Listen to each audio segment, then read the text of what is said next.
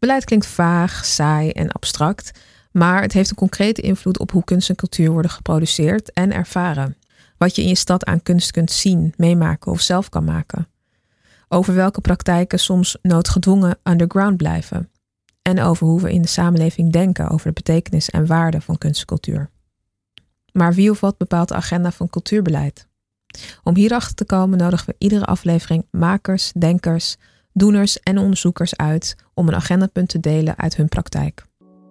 Mijn naam is Holland Warsame en ik nodig je uit voor deze vergadering.